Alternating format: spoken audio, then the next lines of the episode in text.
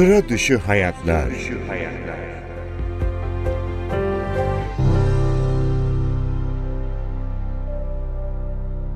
Haluk Tokat Elektrik akımına kapılarak kollarını kaybetti. Farklı bir vücutla hayatına devam eden Haluk Tokat, hikayesini NTV Radyo için anlattı. Haluk 1979 doğumlu Sakaryalıyım. Asıl mesleğim bağlama imalatçısıydı. O sevdam o zaman başladı. Lise 3'te, atölyede o bağlamaları yapılırken gördüğüm zaman aşkım orada başladı onlara. Abla ve eniştemin yeriydi zaten bir müzik akademisiydi.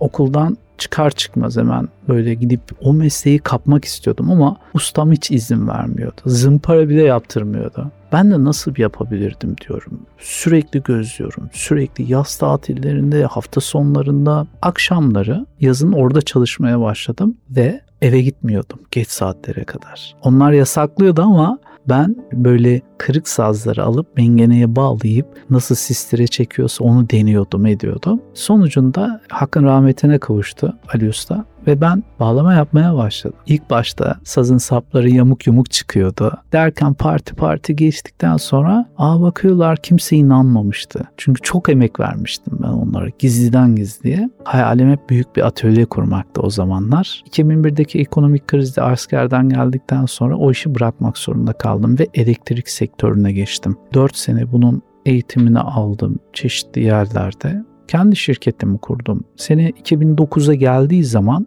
bir ihale ile aldığım işte yüksek gelirim trafonun başında bir buçuk metreden atlama yaptı. Benim engellilik hayatım tam 30 yaşında Şubat'ın 9'unda başladı. Kollarım kesilmesiyle hastane sürecinden. Daha sonra hayat mücadelesini hiç bırakmadım elhamdülillah. İstanbul'a geldim tek başıma ve 12 yıldır çeşitli iş deneyimlerim oldu. Ama en son hiçbir zaman vazgeçmediğim 12 yıldır kuru yemiş sektöründe şu an hala hazırda Haluk Çerez firması adı altında hizmet vermekteyiz.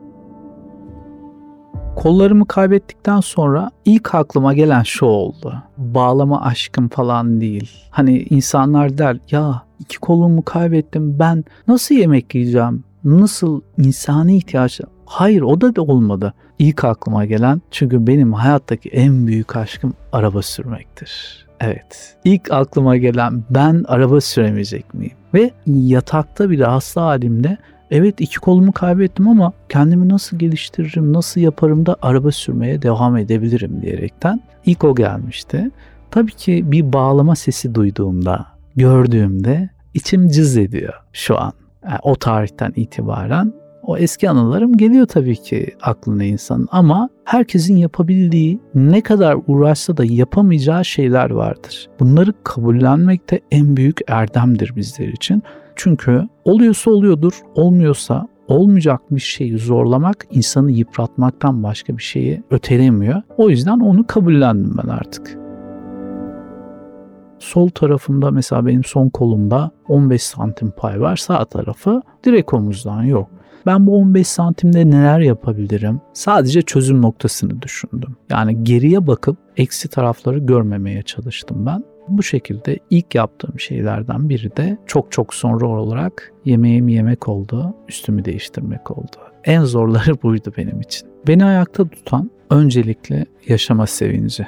Hayatı çok seviyorum, yaşamayı çok seviyorum. Yaşama sevinci için gayret göstermek gerekiyordu. Kendini bıraktığın takdirde eksiye düşecektin. Ben hiçbir zaman eksi tarafı düşünmek istemedim. Ailem, arkadaşlarım, sevdiğim hepsi bıraktı beni. Tek motivasyonum ne oldu biliyor musunuz? Evet ben yapacağım dedim. Kendi kendimi kararlılıkla ikna ettim ilk önce. Ben bunu başarabilirim. Allah nasip ederse. Bunun için mücadele etmem gerektiğini çok düşündüm. Ne yapabilirleri çok düşündüm.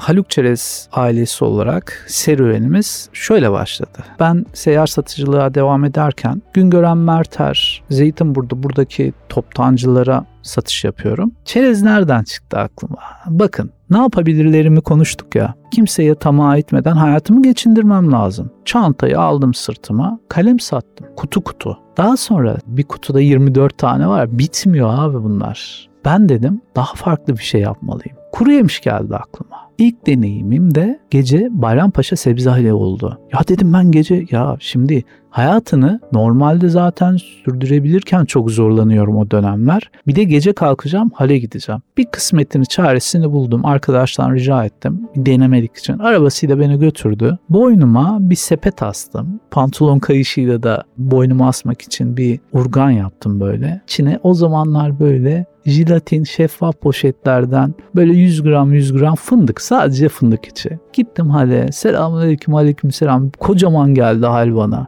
Gecenin ikisi üçü ilk orada bu serüven başladı bir amacım olsun istedim. Hani bakın evinizi alırsınız, arabanızı alırsınız. İkinci arabanız nereye kadar? Hayatta bir iz bırakmak istedim. Ben engelliyim. Engelli arkadaşlarımın hayatını bir şekilde kolaylaştırıp onlara konfor alanı, benim iş yerimin, Haluk Çerez'in onların konfor alanı olmasını istedim. Çok rahat etmelerini istedim. Arkadaşlıklar, sohbetler, iş hepsi bir arada olmasını istedim. Böylelikle ne yapabilirim diye düşündüm. Bir yer açmalıyım dedim. Online satış, sıcak satış değil. Türkiye'ye satmam gerekiyor dedim. Amacım neydi peki? Bir sürü engelli arkadaşımıza istihdam oluşturabilip onların hayatını dokunup onları hayata biraz daha hazırlamak. Bakın belki aynı ortamda birbirlerine aşık olup evlenecekler. Benim o kadar çok hayallerim var ki diğer arkadaşlarım üzerine çok güzel projelerim var bu konuyla ilgili. Haluk Çerez'in serüveni bu düşünceyle başladı ve şu an tüm Türkiye'ye inşallah yakında Avrupa'ya herkese hizmet sağlayacağız. Ben iş yerimi seçerken bile onlara rahat rahat gidip gelsin diye seçtim. Engelli rampasından rahatlıkla çıkabiliyorlar. Asansör bastıkları zaman tam asansörün dibindeyiz. Ona göre organize ettim her şeyi ben. Tam Başakşehir, Çam Sakura Şehir Hastanesi'nin tam fizik tedavinin tam karşısındayız.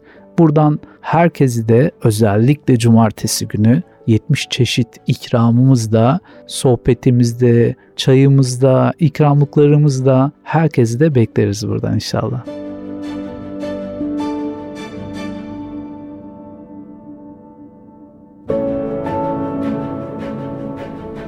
Sıra dışı hayatlar.